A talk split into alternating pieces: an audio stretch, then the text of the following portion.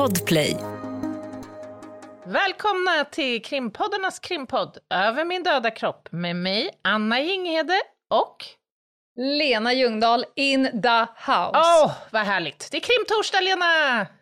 Ja, och det är avsnitt 105.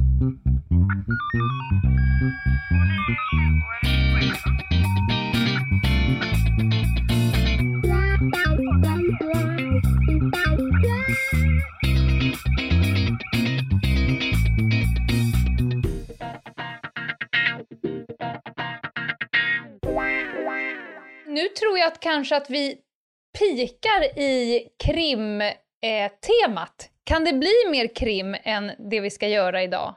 Nej, eh, jag är benägen att hålla med dig. Vi är väl där i någon form av rättsligt klimax. Mm. Krimklimax. Vi är på platsen dit alla vägar bär. Ja, förhoppningsvis. Ja, eller inte. Det beror på hur man ser det, tror jag. Ja. Det beror lite på vems aspekt. Vem man pratar med, eller vem man ja. frågar. Ja, så är det ju. Vi ska rätt in i finrummen i rättsväsendet. Vi ska in i rättegång. Ja, det ska vi.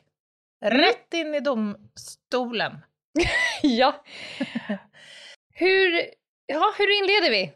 Ja, men alltså jag fastnar lite vid det där du sa, hur olika roll domstolen och rättegång som, rättegången som företeelse har för olika mm. människor. Mm. Ur vårt perspektiv som då företräder rättsstaten så är ju det mm. såklart den högsta prioriteringen i allt utredningsarbete. Det är ju att vi vill mm. att det ska sluta där. Det ska prövas i domstol helt enkelt? Ja, det ska prövas mm. i domstol. Vi ska samla in så mycket bevis vi kan så att en åklagare kan väcka åtal. Mm. Det är ju liksom målet men det är ju inte alltid vi når dit. Nej. Det ska gudarna veta. Nej, och vi kan ju gå dit ganska avslappnat och geschwint. Men ja. det finns ju också människor som har suttit i en domstol på en rättegång och fått sitt eh, liv kortsiktigt eller långsiktigt eh, vänt, mm. skälpt på ända. Verkligen.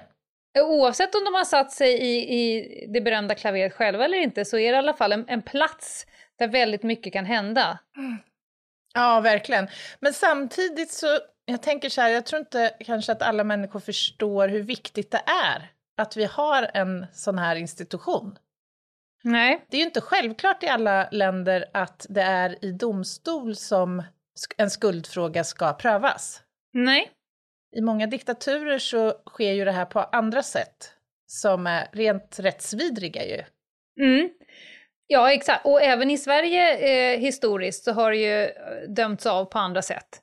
Det kan ju vara någon klok snubbe någonstans som slickar på fingret och höll upp det i vinden och konstaterade att du ska dömas till döden. Ungefär så godtyckligt har ja. det också varit även ja, här. Absolut. Mm. Så är det ju. Eh, nej, så att domstolarna har att döma efter de lagar vi har att tillgå, ingenting mm. annat. Nej. Det kan vi väl sätta som någon slags första utgångspunkt för det här avsnittet. Ja. Eh, och domstolen ska också vara opartisk. Mm. Man har rätt att få saken prövad på ett opartiskt vis. Mm. Vad kan vi mer säga? Att domstolarna är oberoende. Mm. Det ligger väl lite i sakens natur. Mm. Eh, och att det här regleras i grundlag. Mm. Kan vi lägga till. Den är vi rädda om. Ja, absolut. Mm. Är alla lika inför lagen, Anna? Nu börjar jag med den svåraste oh, du, frågan. Du slängde ut den frågan nu. Jag tänkte att vi börjar där bara för att rassla av den. Är alla lika inför lag? Nu när alltså, du har suttit vid x antal rättegångsförhandlingar. Ja, jag, jag vill ju naturligtvis så gärna svara ja på frågan. Mm. Men det här kravet om opartiskhet är ju extremt högt ställt i och mm. med att i, innanför väggarna i eh, domstolen så sitter ju människor mm. som faktiskt är påverkansbara även om man inte avser att vara det eller vill vara det. Mm. Så är det så att vi i vår natur är begränsade. Eh, och det finns väl ändå, får vi väl säga, exempel på när det kanske inte har gått helt riktigt rätt till och man kan få känslan av att man inte är lika inför lagen. Mm. Ja, men jag håller med. Det är ett, ett högt, högt satt mål och eh, vi ska konstant sträva efter det målet. Men det är inte alltid man når hela vägen. Nej, tyvärr Nej. så är det så. Så är det. Vad börjar det vara? Ska vi försöka urskilja, för det finns ju ett helt eh, knippe med olika typer av domstolar i landet. Ja, precis. Och jag tänker att begreppet är kanske lite diffust för var och mm. en, eller för människor. Alltså, mm. för det första så måste vi säga att vi har domstolar spridda över hela landet. Från norr till söder så har, vi, så har Sveriges domstolar sina inrättningar. Får jag säga en liten grej där då? Jaha. Uh, jag skulle tycka att det vore smutt om alla människor i detta land någon gång i sitt liv, kanske inte hamnar i misstänkt-båset, det, det vill jag inte, men kanske att man åtminstone har varit på plats och bevittnat en rättegång. Jag tycker ändå att det tillhör jag håller med. Eh, allmänbildning. Mm. Och nu är det ju faktiskt så att det är så offentligt och det är så tillgängligt och det är så inkluderande så att nästan överallt och alltid så kan du kliva in och sätta dig och lyssna på en rättegång. Och jag tycker att har du inte gjort det än, så googla dig fram till din lokala eh, domstol och gå dit och sätt dig och titta på det här. Ja, nej, men jag håller med. Och jag, jag, tror faktiskt att många, alltså att man har det här som ett moment i åtminstone gymnasieutbildningarna. Mm. Att besöka en tingsrättsförhandling. Alltså jag tycker det, jag håller helt med dig. Det hör till allmänbildning att förstå hur vårt rättssystem är, och, och hur vår rättsstat är eh, uppbyggd och hur den ja. fungerar. Och, de, och dessutom så lever vi i ett jävligt offentligt land så jag tror inte så många vet om heller att om man undrar vad det är för knickedick, eh, om man vill veta lite mer information, mm. då kan du faktiskt ringa till alla domstolar. Eh, de svarar och du säger “Tjena tjena, jag har ett personnummer här och jag vill att du knappar in det i din datormaskin och så vill jag ha reda på alla ärenden på den här personen”. Mm. Alltså domar, inte misstankar och så, det finns ju inte. Eh, så kan du få det. Och du kan vara helt anonym. Det vet folk inte heller. Nej. Nej. Good to know. Mm. Eh, man kan väl säga lite förenklat att vi har i huvudsak, ska vi säga tre typer av domstolar i landet. Alltså ja. vi har de allmänna, mm. eh, som avhandlar brottmål. Och det kan vara tvistemål också. Ja. Och där inryms ju då tingsrätterna, hovrätterna, mm och HD. Mm. Eh, Vad är HD, Anna? Högsta domstolen. Ja. Sen har vi, där ingår också eh, miljödomstolarna, några stycken, och mm. patent och marknadsdomstolar. Och jag måste erkänna att jag är väldigt dåligt insatt i vilken typ av ärende de ägnar sig åt, men det är väl kanske som jag skulle säga kanske immaterialrätt mm. hamnar nog där. Ja, just det. Eh, patent, alltså om man snor andras patent och gör kopior, mm. ja, kopior och skit. Mm. Ja, just det. Eh, och sen har vi ju då våra kära förvaltningsdomstolar, och det här kanske inte heller är självklart för alla. Jag tror att de flesta förknippar tingsrätter eller dom, domstolsbegreppet med brottmål ja. helt enkelt. Mm. Men vi har ju faktiskt domstolar som ägnar sig åt helt andra typer av frågor också. Till exempel när det uppstår tvister mellan det allmänna och staten. Mm, exakt, För, förenklat, antingen dig som, som person mot staten eller myndigheter, eller företag eh, mot stat och myndigheter. Alltså allting som har socialförsäkringsfrågor, eh, vårdfrågor, alltså missbruksvård, vård av unga, psykisk vård och sådär. Det hamnar ju i förvaltningsdomstolen och inte i tingsrätten. Mm. Mm. Just det. Och även förvaltningsdomstolen har ju en högre instans mm. som kallas för Högsta förvaltningsdomstolen. Eh, och till förvaltningsdomstolarna hör också kammarrätten och eh, migrationsdomstolarna. Mm. Och då måste man också förstå att det såklart finns yrkespersoner som är specialiserade mot de här olika typerna av målen som man ägnar mm. sig åt. Så när vi pra har pratat om eh, jurister tidigare till exempel, så är det ju så att det finns ju en mängd olika inriktningar eh, för dem. Alla ägnar sig Absolut. inte åt brottmål, utan vissa ägnar sig åt migrationsmål till exempel. Ja, och där är det är ju som att jämföra en trafikpolis med en eh, barnförhörsutredare. Mm. Alltså det är så, eh, i grund, men man har ju samma grundutbildning, mm. eh, samma där, men att, att jämföra en avtals, bolagsjurist, en avtalsjurist med en brottsmålsjurist eller en eh, skattejurist, det är väldigt stor skillnad. Ja, verkligen. Mm. Och sen har vi då den tredje typen av domstolar och det är de här specialdomstolarna. Mm. Eh, arbetsdomstolen till exempel. Mm. Försvarsunderrättelsedomstolen. Det, det, finns några olika exempel. Men mm. de tycker jag vi eh, lämnar därhän och faktiskt inriktar oss idag på tingsrätten, Lena. Mm. Brottmålen. Just det. Ja, hur uh, ofta, eller skulle du kunna gissa hur många gånger du själv har varit i tingsrätten? Uh, nej, men det är inte jättemånga gånger faktiskt. Jag har ju naturligtvis Nähe. kallats att vittna några gånger som ja. kriminaltekniker och också som utryckningspolis. Ja. Jag har ju även varit målsägande eh, mm. och sådär. Men alltså jag skulle säga högst tio gånger tror jag. Mm. Mm. Ja, det, det, är nog direkt kopplat till vad man egentligen har för funktion inom polisen. Vissa får ju vara där hela tiden och vittna. Det beror nog på vad man har liksom riktat in sig för typ av brottslighet och typ av mål. Jag tror faktiskt det är en faktor till som spelar in. Eh, I alla fall om man skriver utlåtanden, som jag ju gör mm. och som jag också har gjort som rättstandläkare. Mm. Det beror faktiskt också lite grann på hur du skriver dina utlåtanden. Hur mm. mycket utrymme du lämnar för, vad ska jag säga, osäkerhet eller ja. andra liksom möjliga svar. Mm. För att jag tycker jag ser ett litet mönster, att de som ja. ofta kallas är faktiskt ofta sådana som kanske skriver antingen att man vågar sticka ut hakan lite grann och påstå med större mm. säkerhet saker, för vi är lite olika där. Eller mer, jag vet inte, mer diffust mm. kanske lämnar sina slutsatser. Så vissa, ja, vissa skrifter ger ju mer att önska, så att mm. säga. Så kan ja. det vara. Ja. Fast då är det också bra att man får den möjligheten. Man kan se det så också, att man mm. faktiskt blir kallad och eh, inför sittande rätt får möjlighet att faktiskt förklara mm. hur saker och ting förhåller sig. Mm. För vissa saker är ju också väldigt komplexa att beskriva i ord på ett papper och göra det begripligt. Och ibland spelar det ingen som helst roll hur bra eller dåligt du skriver, för att det ska ändå pratas om i rättssalen. Mm. Det är där det gäller. Så att ibland kan man tycka, men gud vad ska jag ner dit och vittna för? Jag har skrivit ett PM som är så tydligt. Det spelar ingen roll, det ska sägas i rättssalen. Mm. Jaha, ja men tingsrätten, det finns ju massor tingsrätter utspridda över ja, hela Sverige. Ett 50-tal mm. i landet.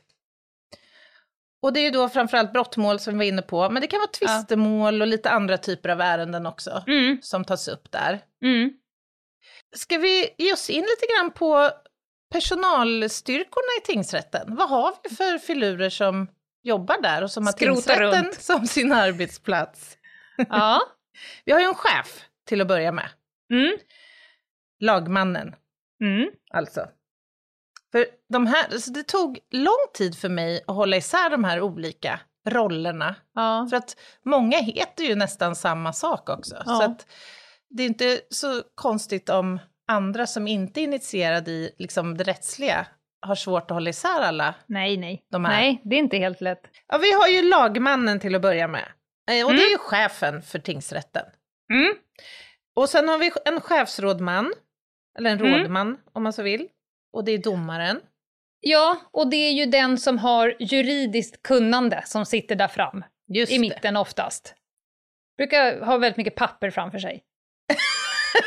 ja, är det, är, det, är det signifikativt för domaren? Ja, det tycker jag. Ja, okej. Okay. En klubba. Ja, ja men absolut. Ja. klubba, har den. Eh, sen har vi lite såna här eh, handläggare också i domstolen. Ja. Som ägnar sig åt lite mer praktiskt arbete och det är ju inte mm. heller, mm. eller det är ju inte jurister. Nej. Eh, och sen har vi några beredningsjurister. Mm. Vad ägnar de sig åt? De ägnar sig åt att göra i, i ordning målet. Ja. Kan man säga så? Ja, det kan man säga. Mm. Och sen har vi kanske några tingsfiskaler också. Det låter ja, det så... kan man ju höra på jurister att de ska gå och, och sitta ting. Ja, just det. Mm, de, de håller på att utbilda sig själva till domare till exempel. Ja, men precis. Tingsfiskalen är ju domare utan, ut, eller under utbildning och de har mm. ju tidigare då varit notarier. Ja. Och notarier är ju unga jurister då som sitter mm. ting. För att kanske mm. bli domare till exempel. Ja. Eh, och sen har vi våra kära nämndemän. Och de kanske vi ska ägna oss några minuter åt, för det här vet jag är ja. en grupp människor som vi får väldigt många frågor om.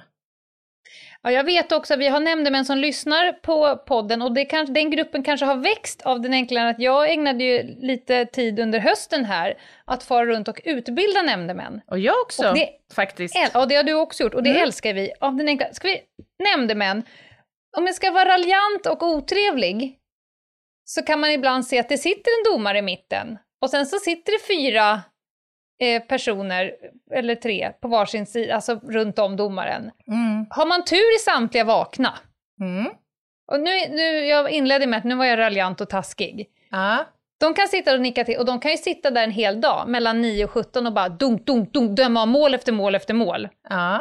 Eh, och de här har ju ingen juridisk utbildning. Nej, men precis. Ska vi kanske förklara lite grann vad en nämndeman är och vad en sån har till mm. uppgift mm. att göra? För det här är ju faktiskt representanter för allmänheten och jag ja. tror att det är därför man reagerar när man ja, hör alltså, de här nyheterna. Nämndem ja, exakt. Nämndemännen utses ju av kommunfullmäktige och, och de sitter där på en fyraårsperiod.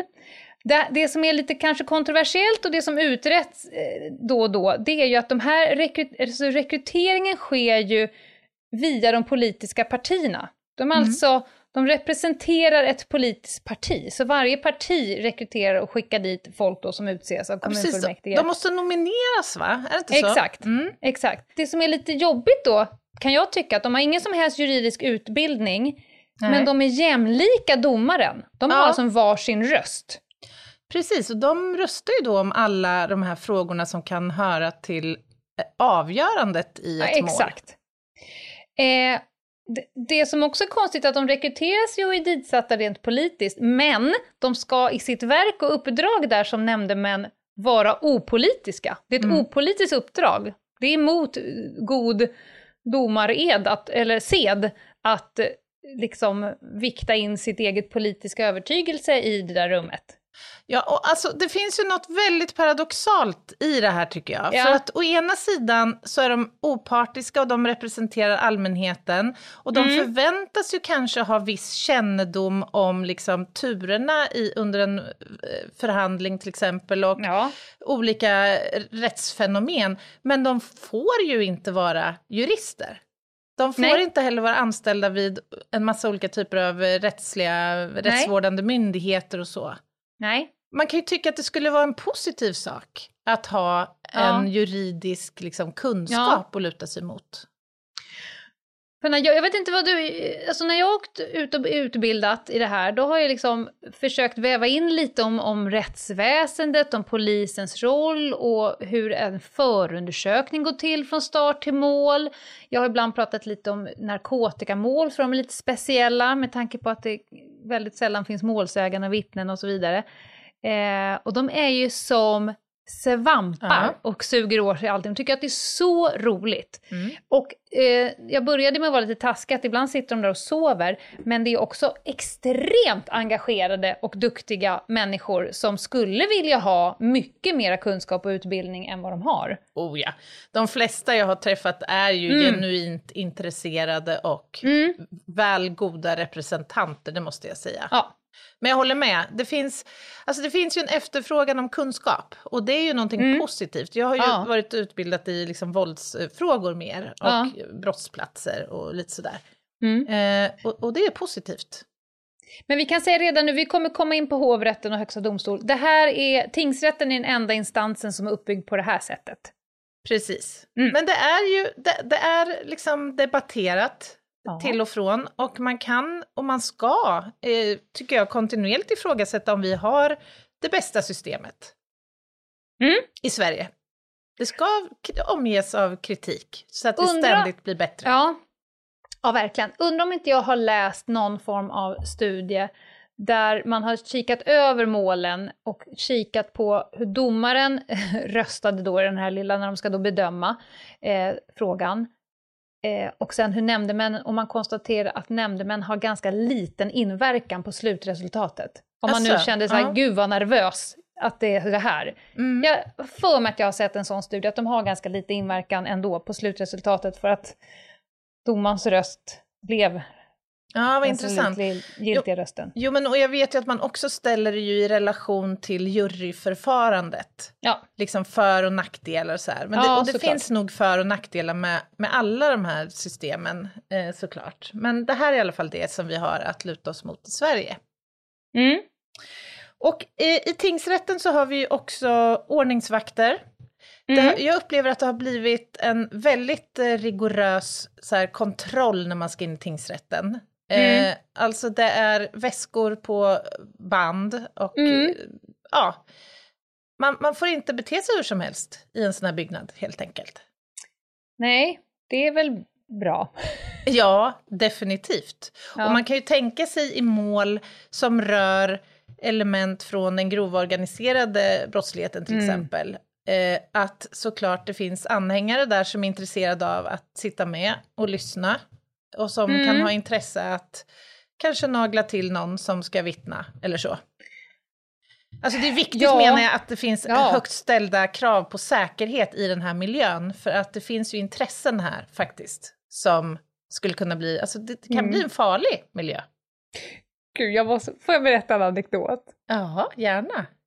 Alltså, nu kommer jag, jag skulle vittna i Södertörns tingsrätt och jag visste, nej men gud, och jag visste att eh, att de jag skulle spana vidare mot, vi har ju liksom slagit en del av ärendet och, och en eh, var in då inför rätten, men mm. ärendet skulle fortsätta och vi skulle spana på några. så jag visste ju det. Så jag hade ju eh, spökat ut mig lite grann. Och så ja. väldigt sen var jag. Jag var sen i det här. Jag hade glasögon på mig, stora glasögon, typ Dame, Dame Edna. Och jag var också sen. Uh -huh. Och när jag ska kliva ur min bil, då skickar jag upp dörren då har jag parkerat för nära en lyktstolpe Nej.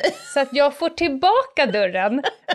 Den, den ger mig en smekning i ansiktet. Ja, så att glasögonen knäcks ju, så nej, att de fick jag ta av mig. Sen kommer jag in i, i rättssal, för när jag kommer in då är det så här, äh, förhandling påbörjas i sal 3, rätten ah, kallar Lena Ljungdahl. Ah. Så jag hinner ju inte liksom schyssta till mig. Nej. Så att jag kliver in i rättssalen och jag kommer så jävla väl ihåg, för då sätter man sig i vittnesbåset, får man avlägga ed. Uh. Och då sitter en, en utredare Eh, ibland är det så att någon polisiär utredare sitter bredvid åklagaren för att det är så mm. väldigt mycket information, så de Material, sitter och liksom hjälper till att bläddra. Yeah. Och hon och jag känner varandra väl, och jag ser på hennes min att alltså, hon har ju hon har ju gigantiska ögon, tänk tefat, och tittar på mig och sen så vänder hon, sen snurrar hon på sin fåtölj och sen sitter hon, under hela min vittnesmål, sitter hon med ryggen mot mig. Tänkte det var jävligt otrevligt, men vad är det för, men hon, jag tänkte att hon tycker väl att min lilla outfit för dagen var för kul. Ja, säkert. Nej, men, och jag känner ju hur det dunkar i pannan. Nej. Det känner jag ju. Ja. Ja, så vittnar jag, sen när jag går ut och så går jag in på toa. Nej men alltså det ser ut som att jag har the eight ball, som att jag har den svarta biljardbollen Nej, men... mitt i pannan. Hon var, och sen när hon sa det efteråt, det gick in, alltså ingen i salen har jag hört dig prata, för medan du pratar så har ju pannan gått från platt till en, ett biljardklot mitt men, i pannan. Alltså, jag blev utvecklad till unicorn på 20 ja, minuter. Herregud. Jag tänkte säga det, det där måste ju vara den bästa disguisen du kunde ha. För att det är eh, ingen ja. annan som minns någonting mer än din skallskada. Nej, nej, nej. I och för sig om jag spanar dagen efter och går runt med en biljardboll i pannan, det är inte så många som har det. Nej, det har du rätt i. Nej, men alltså, ja, ibland blir det bra, ibland blir det dåligt. Ja, så kan det vara. Nej, men Anna, ska vi, jag måste samla mig. Ska vi gå på paus? Ja, jag tycker vi gör det. Det är dags. Ett poddtips från Podplay. I podden Något Kaiko garanterar östgötarna Brutti och jag, Davva, dig en stor dos skratt. Där följer jag pladask för köttätandet igen. Man är lite som en jävla vampyr. Man har fått lite blodsmak och då måste man ha mer. Udda spaningar, fängslande anekdoter och en och annan arg rant. Jag måste ha mitt kaffe på morgonen för annars är jag ingen trevlig människa. Då är du ingen trevlig människa, punkt. Något kajko, hör du på podplay. Därför är gardinerna. Då är vi tillbaka och det är torsdag och det är krimpoddarnas krimpodd och vi pratar om rättegången. Välkomna tillbaka. Ska vi gå in nu lite på brottmålen och hur det går till? Ja, men det tycker jag. Kan inte du eh, lotsa oss lite genom förundersökningen? Mm. Eh, vi har ju varit inne på det här tidigare i våra avsnitt om hur en förundersökning går till och så, men förr eller senare så kommer en, en förundersökning eh, gå till att antingen att den läggs ned eller att en åklagare kan väcka åtal. Mm. Och jag har faktiskt ringt till eh, en gammal kompis till mig som är åklagare eh, och pratat lite med henne just gällande det här.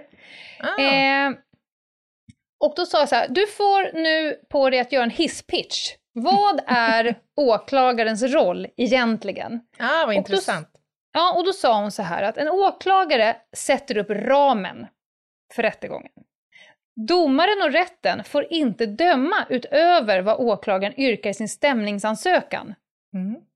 Eh, så att, och det här har jag varit med om eh, att en åklagare yrkar på någonting stämningsansökan och så framkommer under rätten att det blir någonting annat och då kan inte rätten döma på det istället. Finns ja, det inte det. med i stämningsansökan, då finns det inte med helt enkelt. Så ibland kan åklagarna eh, gå, gå till åtal med alternativa gärningsbeskrivningar. Mm. Där de liksom täcker upp att jag yrkar för ansvar för misshandel eller vållande till kroppsskada mm. till exempel. Och det här ställer ju enorma eh, krav på åklagaren ja. ju. Att mm. faktiskt ha, ta höjd för olika mm. tänkbara scenarion. Eh, och sen så i den här gärningsbeskrivningen, den kan låta till exempel så här, det är liksom det första som står med. Åklagaren yrkar an på ansvar för mord Eh, enligt, då står det liksom en paragraf, i det här fallet 3.1 brottsbalken, för X. Och X har den 16 februari 2021 gjort det här. Då kommer liksom gärningsbeskrivningen vad själva brottet är.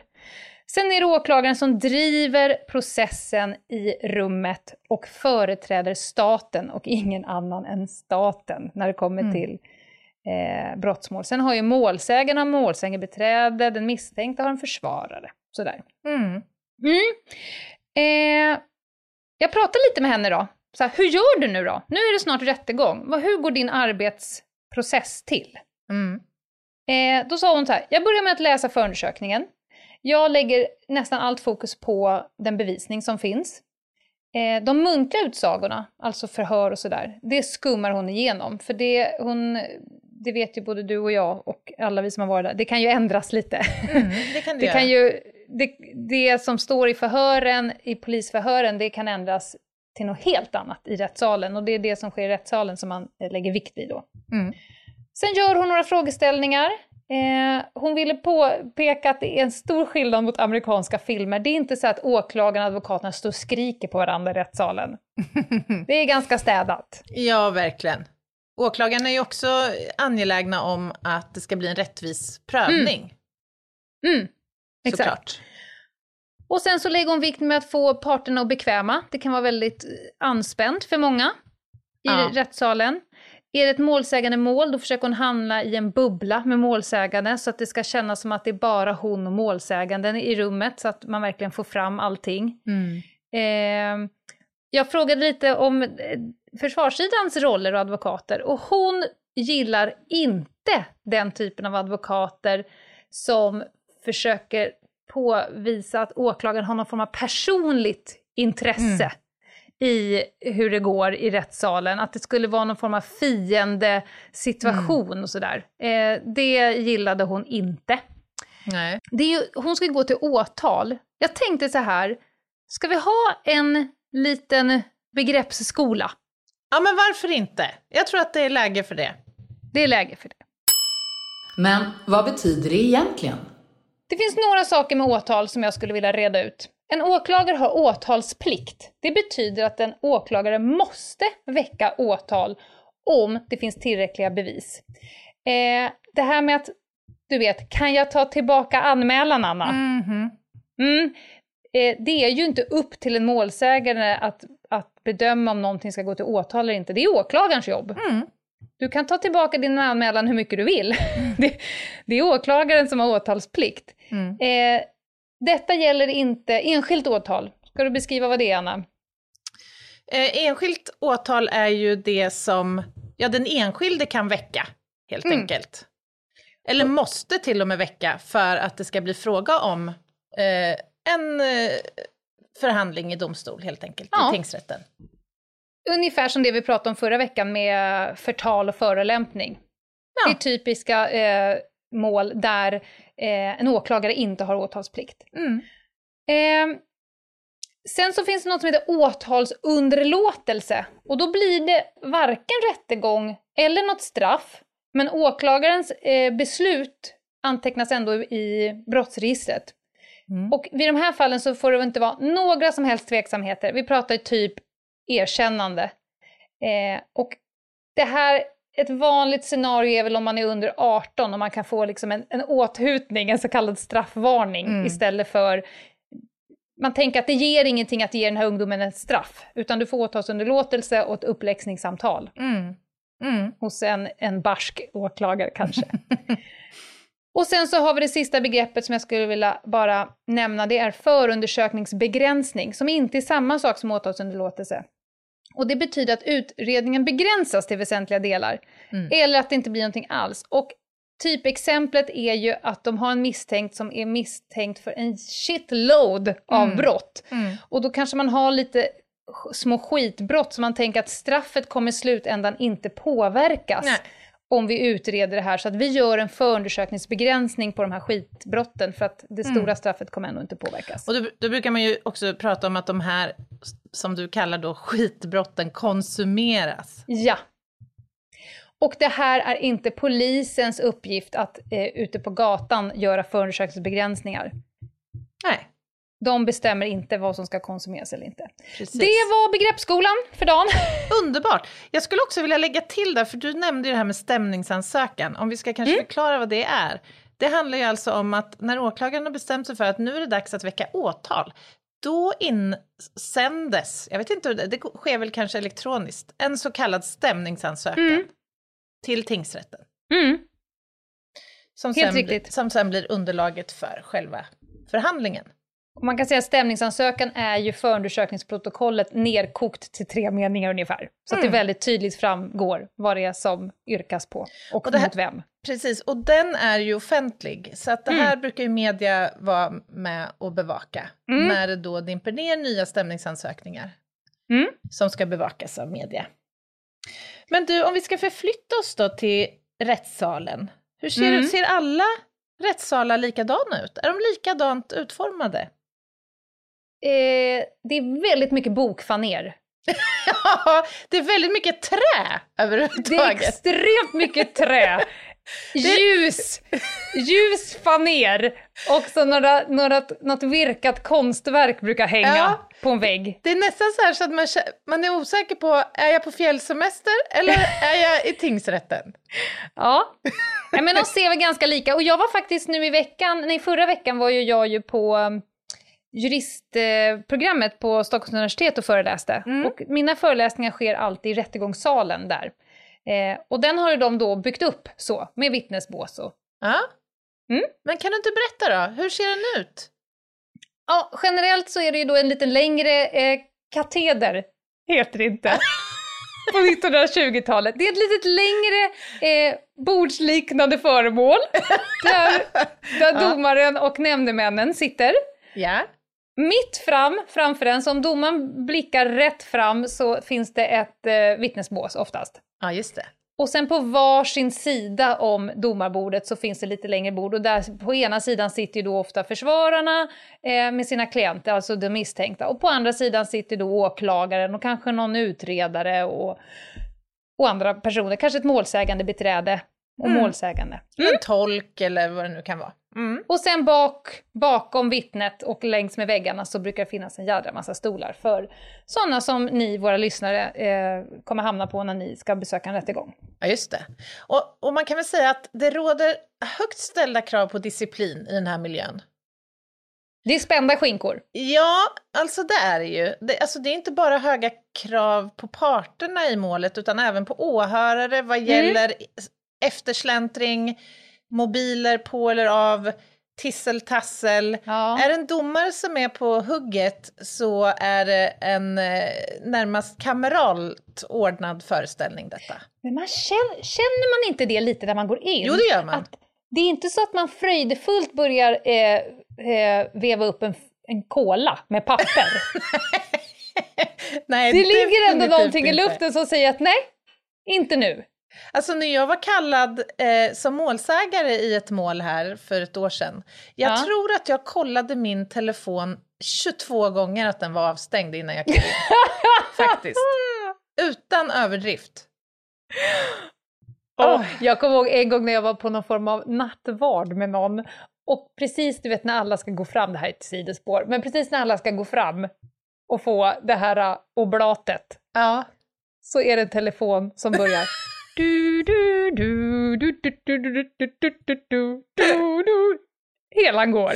Men tajmingen alltså. Jag höll på att kissa på mig. Nej, men jag tycker ändå det har något. Det har något, det absolut. Något. Ja, men och du nämnde det här med att då kan åhörare få komma in och slå sig ner längst ner i salen. Mm. Men får åhörarna alltid komma? Jag tänker om man nu har så kallade lyckta dörrar. Ska mm. vi kanske nämna lite grann vad som gäller rörande det? Alltså, grunden i regeringsformen är att domstolsförhandlingar skall vara offentliga. Det är grunden. Ja. Och det är det som gör att var och en av er kan släntra in och titta på när eh, livet eh, förändras för olika personer. Mm. Men, eh, stängd förhandling, ett ord, lyckta dörrar, ett annat mm. ord.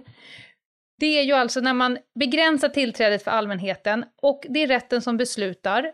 Mm. Och Oftast är det kanske om det är unga personer mm. som det gäller. Det kan vara sexualbrott. Mm. Det kan vara några stora herrejösses. Ofta så begränsar man bara eh, vissa delar. Ja, just det. Att inte hela kalabaliken, höll jag på att säga, balunset är, är under lyckta dörrar, utan det kan vara vissa begränsade delar. Ja, och... Överläggningen till exempel, när, när eh, nämndemännen och domaren ska överlägga, då brukar det bli att man får gå ut och ta en kaffe. Ja, och ofta handlar det om att skydda till exempel mm. ett brottsoffers intresse mm. och integritet. Eh, så det är ju ett skäl som ofta åberopas. Jag skulle vilja bara nämna en liten filur som ibland mm. är med på mm. rättegång och det är rättegångstecknaren. Har du bevittnat mm. en rättegångstecknare in action någon Nej, gång? det har jag aldrig fått möjlighet God att göra. God damn it! De är bra, de är vassa. Helvete, de, de sitter kol. med sitt lilla skissblock. Ja. Och sen går den lilla pennan, ja. den jobbar upp och ner, upp och ner, upp och ner. Och sen så tittar man bort och så tittar man dit. Nej, då har de målat upp hela rättssalen ja, och då... alla personer. Ja, helt, helt otroligt. Och varför finns de här filurerna? Jo, det är för att det är fot fotoförbud i rättssalar sedan 1948. Mm. Men det är ju ändå intressant det här att det är okej att skissa, för är du då så jädra grym, mm. så du liksom avbildar de här personerna ja. eh, rätt bra, så kan mm. du ändå få en hygglig uppfattning ja, om hur det har sett ut där inne. Men det ger ju ganska mycket, det ger en annan dimension. Ofta ser man på nyheterna, i tidningar och sådär, den här lilla skissen. Man mm. får ju ändå en visuell, en annan känsla för rättegångsprocessen. Nej men Verkligen. de är jävligt imponerande, måste jag säga. Ja, ja, vad spännande. Men du, ska vi då försöka ta med våra lyssnare till en huvudförhandling i tingsrätten? Från mm. lite start till mål. Du var inne lite grann på det här med gärningsbeskrivningen som åklagaren har författat, där det då ja. framgår vad åklagaren påstår att den tilltalade har gjort sig skyldig till. Mm. Hur kan det, det låta? En, ja, men det blir ju en kort sammanfattning där det är eh, liksom, åklagaren yrkar ansvar för, och sen kommer då namnet. Mm. Alltså att man har väckt åtal och, och vill att den här ska ansvaras för det. Det är det man ska prövas. Och sen kommer då brottet. Och sen så kommer paragrafen för brottet. Och datumet. Och, och tidpunkten ja, och, kommer ju tidigt också. Ja, exakt. Men först kommer då själva mord enligt 3.1, brottsbalken. Och sen kommer då själva gärningsbeskrivningen. Och den är alltid datum, klockslag, plats. Mm och vad personen har gjort. Ja, just det. Och sen är det då dags för parterna att få redogöra lite grann för omständigheterna, alltså vad som har mm. framkommit i förundersökningen. Och det görs ju inom ramen för det som brukar kallas för sakframställan. Mm. Det här är en punkt som jag trycker ganska mycket på när jag utbildar jurister. Alltså en sakframställan i ett stort ärende. Jag brukar säga ett spaningsärende, som vi har spanat kanske mellan sex månader och två år, Mm. Det kan vara så att åklagaren håller på i två dagar med endast sakframställan. Oj. Två hela dagar går åt att bara beskriva två års spaning mm. så att de här fyra nämndemännen eller domaren och alla andra parter förstår vad som hände. Vi kan ju ha fem misstänkta som totalt har 14 identiteter 63 mm. mobiltelefoner. Och för att man ska förstå alla turerna, då krävs det en jävla geschwint-presentation eh, så man förstår ärendet innan man ens kan gå vidare med förhör och teknisk bevisning och sådär. Ja, men jag tänker att det, det här ställer ju väldigt höga krav på de här nämndemännen också. Och domaren ja. för den delen. Och mental ja. spänst, att faktiskt hålla isär tider, mm. platser, personer, aktiviteter, mm. iakttagelser och allt vad det nu är som, ja. som läggs fram. Man kan ju behöva lägga bredvid, om vi bara till exempel tar eh, spaningsobjekt A, mm. som då sitter här som misstänkt och har en identitet. Mm. Den personen kan ju ha tre olika pass. Kan jag liksom tidigt i utredningen vara eh, spanad på som sloven. Slovenska pass är ganska lätta att, att eh, kopiera, så de brukar oftast dyka upp. Mm. Eh, tidigt i spaningen kan det vara så här, person A, du vet inte vem han är. Det kanske var inte förrän efter fyra månader som kunde identifiera personen. Så han kan i spanings-PM gå från eh, Enköpingsmannen till mannen med röda skor, mannen som var på Arlanda, och ja, sen det. så blev han sloven och sen fick han sin rätta identitet. Och när ja. de då sitter och läser allt det här så behöver de nästan ha ett papper bredvid där de står så här, den som sitter framför er nu, han är de här tolv personerna. Mm. Det är inte lätt. Nej, verkligen inte. och då vill det till så att det, jag skulle vilja eh, hoppas på att åklagare får en, en dust med pedagogik. Ja, ja För att verkligen. göra det förståeligt helt enkelt. Ja men verkligen, och jag vet ju att på senare tid så har man ju också börjat använda sig mer och mer av liksom digitala möjligheter att presentera ja. en plats. Jag menar, vi får ju ibland frågan inför mm. en förhandling, eh, hur skulle vi kunna ta med rätten till den här platsen utan att göra en syn, utan att åka ut till platsen. Kan vi göra det här digitalt eller interaktivt på något sätt? Och nu finns ju en del bra hjälpmedel, men det här är en utmaning alltså. För att man måste förstå de väsentliga delarna i förloppet. Ja, annars blir det inte rättssäkert. Och annars så vet man inte ens vad man ska pröva. Exakt. Och det är inte någon klåpare som sitter och knappar ihop en powerpoint, utan vi pratar ju, man får nästan ta in en byrå som är proffs på att sätta ihop paket så att man förstår mm. vad det är att titta på. Mm. Jaha, och sen börjar det bli dags för lite förhör. Ja. Och det är ju viktigt. Vilka är det, det som kan viktigt. tänkas kallas då? Vi har ju varit inne lite grann på det här. Jag själv har kallats och hörts i rätten ibland, eh, utifrån en observation eh, som jag själv har gjort.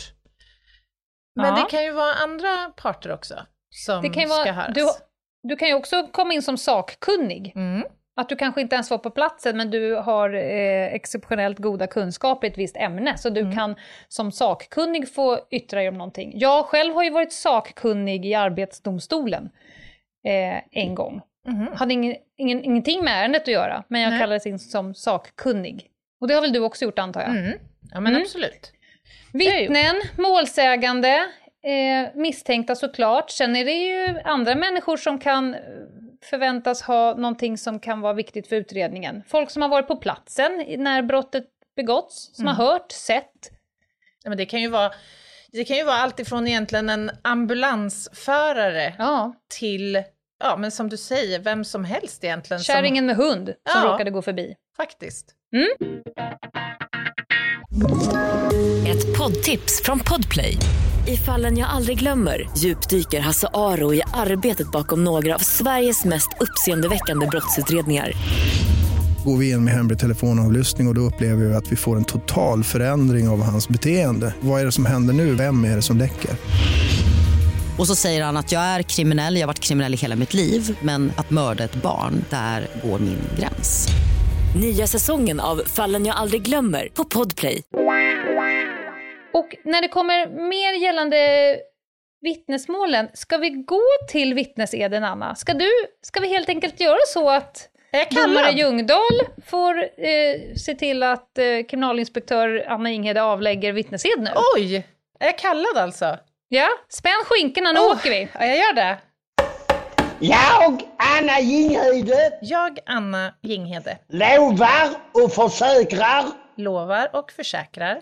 På heder och samvete. På heder och samvete. Att jag ska säga hela sanningen. Att jag ska säga hela sanningen. Och intet förtiga. Och intet förtiga. Tillägga eller förändra. Tillägga eller förändra. Så. Hörs det hur nervös jag är? Ja, du var väldigt vad du var anspänd. Nej men det är ändå något, och då oftast brukar de ju då, när man kommer som polis, så brukar de säga har du varit här förut, vet du vad det innebär att avlägga vittnesed och sådär. Annars mm. så förklarar de ju det. För det här betyder ju exakt det du har sagt. Du har nu lovat att du ska säga hela sanningen, du ska inget förtiga. Mm. Jag ska du får inte mörka. Under, inte underhåll, undanhålla någonting. Nej, du får inte krydda. Nej. Och du får inte skruva på sanningen. Det är det du, du edar dig om här nu. Och nu gör vi reklam för nästa vecka, för då jävlar ska vi prata kronvittnen och uppskrämda vittnen och... Eh, Vittnesplikt. Eh, ja. Och viten. Mm. Mm. Bra. Bra! Du godkändes. Åh, oh, vad skönt. Ja. Okej, nu har jag förhörts och andra mm. har förhörts. Och vad gör vi då? Är det inte dags att få lägga fram bevisningen nu? Nu kommer de, och det kan vara teknisk bevisning. Det kan vara telefonsamtal som ska lyssnas på, det kan vara sms som ska läsas. Det mm. kan vara foton och filmer som ska tittas på, ljudupptagningar. Det kan vara kriminaltekniska utlåtanden. Eller medicinska utlåtanden. Mm. Rättsintyg. Mm. Mm? Ja, det kan vara allt möjligt. Nu har då bevisen lagts fram, åt alla håll ska vi också säga. Mm. Eh, och sen så kommer ju då någon form av slutanförande. Mm. Och då mm. får åklagaren eh, liksom samla ihop vad som har skett här under huvudförhandlingen och mm. liksom kort sammanfatta det kan man väl säga. Eh, och jag har tänkt på det här när det gäller åklagare, vilken enorm koll de måste ha på mm. så otroligt mycket information. Mm. Jag menar, de kan ju ha ett sånt här jättestort eh, mål, Mm. Ja, men som du var inne på, där man har en sakframställan som varar under ett par dagar. Men så kan de ju ha då fem sådana mål ja. samtidigt. Ja. Och liksom ha koll på alla delar här nu och sakligt och pedagogiskt återge mm. eh, vad som har passerat och vad som väntar.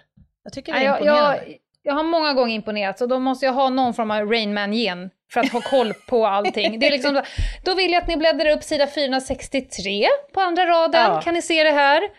Ja, det är ja, otroligt det är fascinerande. Mm. Och här någonstans så börjar man ju fundera på, vad kan det bli tänkt, alltså vilken påföljd kan man tänka sig här? För det har mm. ju också åklagaren naturligtvis funderat på, mm. och stött och blött. Och ibland mm. så kan det ju vara så eh, att det är påkallat med en så kallad paragraf 7-undersökning. Alltså, man kanske vill försöka klarlägga om det har förelegat en allvarlig psykisk störning vid tidpunkten mm. för eh, gärningen, helt enkelt. Mm. Eh, och det här ju, finns ju lite olika varianter på. Man brukar prata om en liten eller en stor undersökning. De, de här görs ju vid Rättsmedicinalverket, eh, och det handlar ju förenklat om, när vi pratar om den lilla undersökningen, att alltså undersöka en persons psykiska tillstånd. Mm. Eh, och det här görs ju då vid Rättsmedicinalverkets olika ja, faciliteter. Alltså det är en läkare då som mm. sätter sig ner med den här individen och har ett, ett samtal, alltså gör en undersökning helt enkelt. Ska vi redan här flagga för det stora avsnittet om psykisk ohälsa och psykisk eh, tvångsvård och allt som är i gränslandet mellan rättsväsendet och psykisk sjukdom? Ja men det tycker jag. Det passar ja. väl bra. Vi kommer ha ett helt avsnitt om det här. Ja, Mm. En, en, frågeställning som kan vara relevant att besvara till exempel är ju, eller en invändning som kan komma från försvaret är ju att min klient var under påverkan av droger och mm. det kan ha varit fråga om dro en drogutlöst psykos till exempel. Mm. Och då, då kan mm. det ju vara intressant att försöka klarlägga om det har varit så.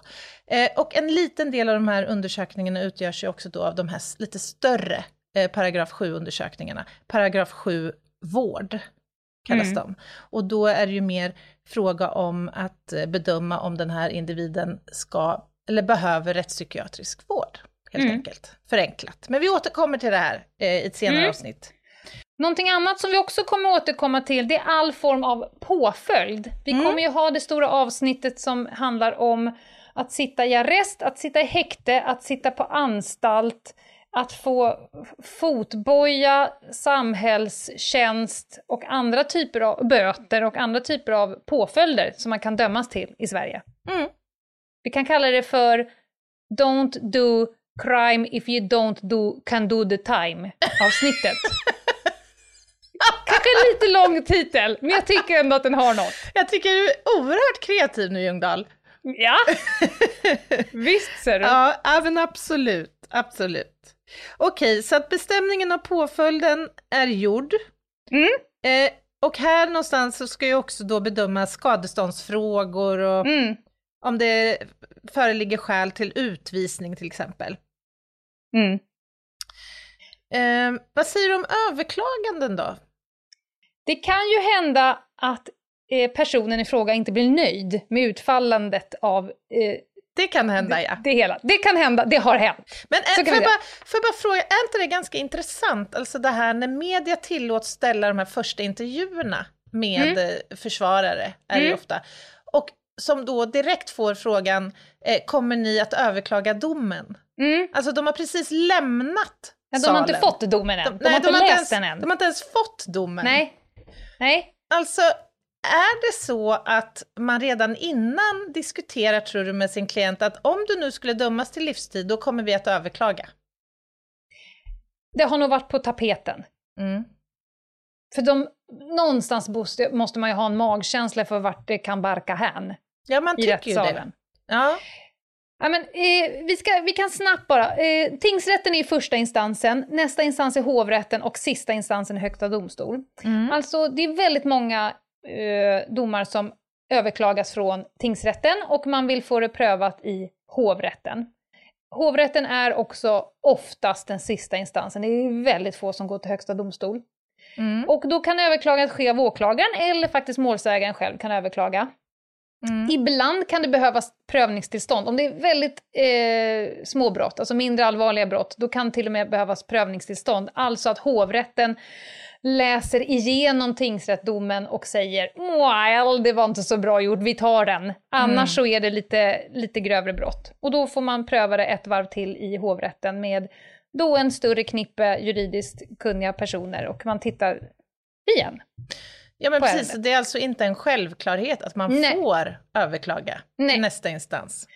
Och en mindre självklarhet är att man får jassa upp till Högsta domstolen. Mm. Då krävs det prövningstillstånd, inte bara eh, ibland, utan då krävs det det. Mm. Och det här tas, ärenden är få som går till Högsta domstol och det är om man anser att vi i den här typen av brott, i den här typen av händelse, eh, behöver titta på det för att skapa en vägledande dom. Man brukar kalla det för mm. prejudikat. Någonting som åklagare och advokater sedan kommer luta sig mot. Det kanske är någon typ av händelse som egentligen inte riktigt är prövat, lite gråzon eller någonting, där mm. man behöver sätta en riktning för hur man ska jobba senare i hovrätt och tingsrätt framöver. Äh, men någon, någon form av, av vägledande eh, dom som då i framtiden kan utnyttjas av åklagare eller advokater eh, mm. om hur man ska tänka. Och även hur man ska tänka i de lägre instanserna, tingsrätt och hovrätt framöver. Just det. Det var det Anna, vi har några vi får kanske begränsa lyssnarfrågorna för nu är det, jag har ju en sån jävla rövhatt på gång. Oj vad spännande. Men jag har... Eh... Vi har fått lite frågor med anledning av eh, rättegången. Ja. Just det. Den första frågan eh, bordlägger vi. Måste man vittna? Vi tar det nästa vecka. Ja det gör vi och då kan vi väl vi kan i alla fall nämna att vi kommer förklara, ge svaret på frågan och också mm. vad som händer om man nu inte vill eller kan vittna. Mm. Och när man kan ges eh, undantag mm. från det. Om ett mål blir avdömt blir alla handlingar offentliga, Anna? Ja, men alltså, eh, den allmänna huvudregeln är ju att domar är offentliga mm. handlingar. Eh, men sen finns det några undantag från det här, eh, där man alltså kan välja att sekretessbelägga hela eller delar av eh, materialet. Det är ju inte jättevanligt, men det händer och det handlar ju, ja, men lite som vi var inne på tidigare här med lyckta dörrar, om att skydda personliga intressen. Mm. Och, så. och man kan ju välja att sekretessbelägga fotobilagor och eh, mm. vissa delar i domen, till exempel. Mm. Sen har vi, vad innebär livstidsfängelse? Oj, ja, men det här är ju inte mitt specialområde, men livstidsfängelse är ju inte tidsbegränsat. Alltså, döms du till livstidsfängelse så vet du ju inte hur länge du kommer sitta i fängelse. Men du får ansöka om ett tidsbegränsat straff. Mm. Rätta mig nu Ljungdahl om jag har fel, jag tror att det är efter minst tio år. Oklart, men jag kommer garanterat ha tagit reda på det till det stora avsnittet om att sitta på fängelse. Ja, jag, jag är ganska säker på att det är minst tio års avtjänat straff. Eh, och då kan du göra en ansökan till tingsrätten i Örebro om att få ditt straff eh, tidsbegränsat. Mm. Och den som har avtjänat längst straff i Sverige är eh, Leif Axmyr. Jag tror han satt 34 år innan han fick gå ut. Ja, eh, nu tar jag den sista frågan här och den är till dig Anna. Jaha. Vad är en resning? det är väl det som, som de flesta män vaknar med varje morgon, är det inte? Ja. Antingen menade frågan, frågaren det, det Eller, vet vi inte. Nej, nej, men det handlar väl om eh, möjligheten att få en lagakraftvunnen dom upphävd, va? Ja, prövad igen. Eller prövad igen. Ja. Mm. ja, helt riktigt. Är det någonting som du vill ha sagt nu som samhällsinformation innan jag går på veckans rövhatt? Jag är ja. så taggad. Hold your horses lite Lena, vi måste ja. ju lämna lite samhällsinformation och det rör ju då främst vårt eminenta Instagramkonto, Ljungdahl och Ginghede. Där finns det mesta du behöver för en trevlig stund. tackar, tackar! tackar, tackar. eh, nej men har det dykt upp frågor eller tankar om det här avsnittet så varför inte mejla oss? Ljungdahl och Ginghede at gmail.com. Nu Lena, nu är det dags, nu kör vi! Lenas rövhatt. Jag ska nu ta med dig till en nattlig hotellvistelse. Oh, det ser jag fram emot. Jag befinner mig på ett hotell. Ja. Jag eh, klär på mig mina kläder och går ner till eh, frukostbuffén. Aha. Som jag eh, uppskattar att de kunde ha öppen, men de hade gjort det corona-style, så det var ordning. Aha. Ordnung, som mm, du hade sagt. Jag gillar det här. Det var plasthandskar i entrén och så var det munskydd på. Och sen hade de tejpat upp... Är det inte lite svårt att äta frukost? tänker jag. Ja, men Med när du, när du liksom fladdrar upp grejerna på tallriken. Ah, ja, ja, ja. Ja.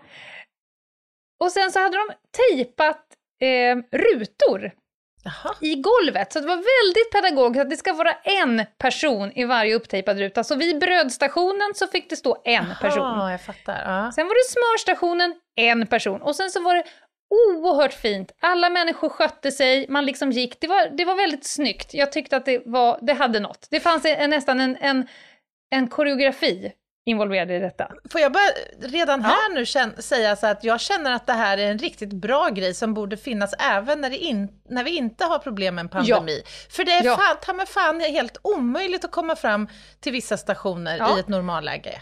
Ja. Annars. Just you wait cookie, säger uh -huh, jag bara. Uh -huh. Ja. Då går jag där. Och jag har en okänd kvinna framför mig. Vi kan kalla henne Lisa för uh, sakens skull, för jag kommer nämna henne ganska många gånger. Hon är för mig okänd. Uh. Hon går framför mig. Hon kliver ur en ruta, jag kliver i rutan. När hon precis ska ta sin högra tass, hon har lämnat brödrutan och gått in i smörrutan. När hon precis ska ta sin högra tass och ta smörkniven ur smörkärlet, mm. du vet en bunke där de har liksom mm. klafsat ner. Ja. Då kommer det en person snett från höger och bara zoom, in. Han respekterar inte kösystemet, eller hon? Hon. Ja. hon.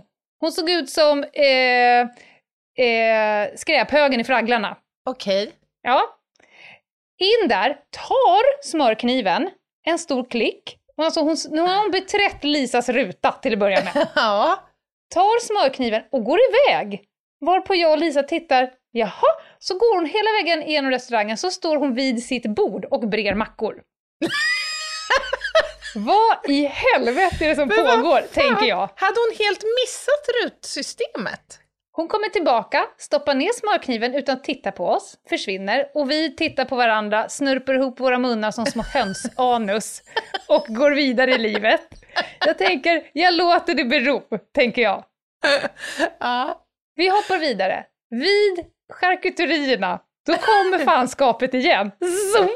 In, tar eh, gaff, en av, nu fanns det faktiskt två gafflar, hon tar en gaffel, så vispar hon upp två, tre skinkskivor och Ja. går iväg till sitt bord. Så hon, står, hon jobbar liksom ut in, ut in och, och brer sina mackor. När hon väl kommer, vänta, vänta, snart kommer rövhatterier. När vi kommer till ostavdelningen, då kommer fanskapet igen. Och nu gjorde hon sitt livs största misstag. Hon, Hon valde... gick iväg med hela osten! Nej, hon valde... Du vet, Vera går framför Cecilia. Nu valde hon att trycka sig mellan Lisa och Lena. Oh, det skulle hon inte Hittills ha har hon jobbat framför Lisa. Ja. Mhm, Nu kom hon lite för mycket för, min, för nära min sfär. Så jag kan ha sagt något liknande med Vad fan håller du på med din rövhatt? något sånt. Ja, det kan ha slunkit ur dig. Och så, så här, men ser du inte att folk står i kö? Alltså det Ja. var ganska mycket folk och då har vi ändå fått välja slottid klockan nio för att det inte skulle vara för mycket. Jo, hyfsat. Och så vände sig Lisa om i sitt munskydd så säger hon så här, har du hört talas om corona? nu kommer Anna! Och då tittar hon upp förvånat på oss båda och så säger hon, jaha, nej nej, men jag är gluten. Va? Smaka på den! Ja, så hon trodde hon hade ett särskilt rutsystem då? Ja, ja, ja, ja, nej men alltså jag är gluten. Tittade hon på som att det var en förklaringsmodell som satt som hand i Som handske. Och då sa, jag, då sa jag, men att du är gluten, det betyder ju bara att du har kall på mag-historien. Det betyder inte att du har förkörsrätt i alla situationer i livet.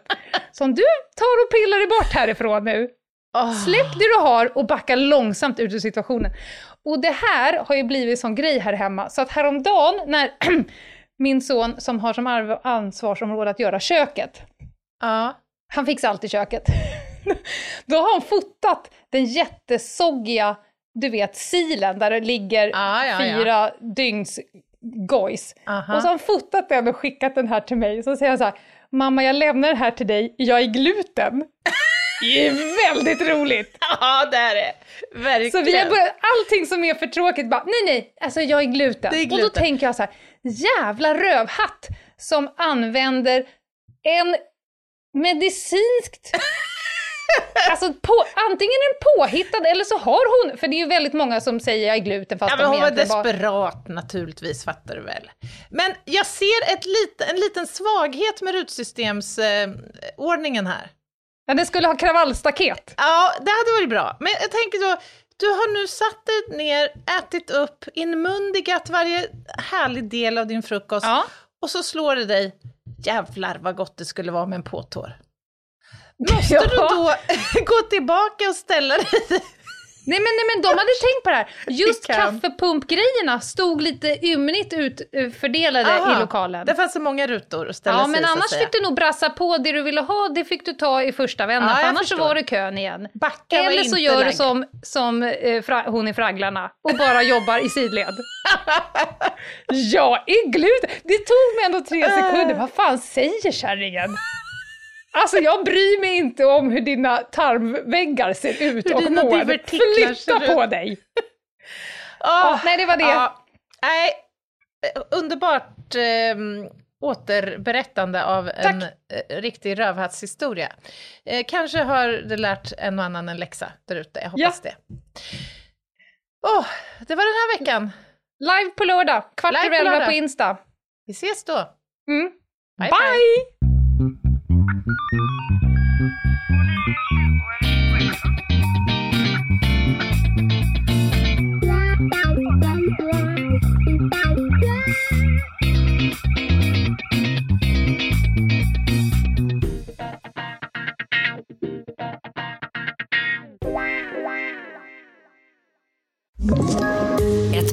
Poddtips från Podplay.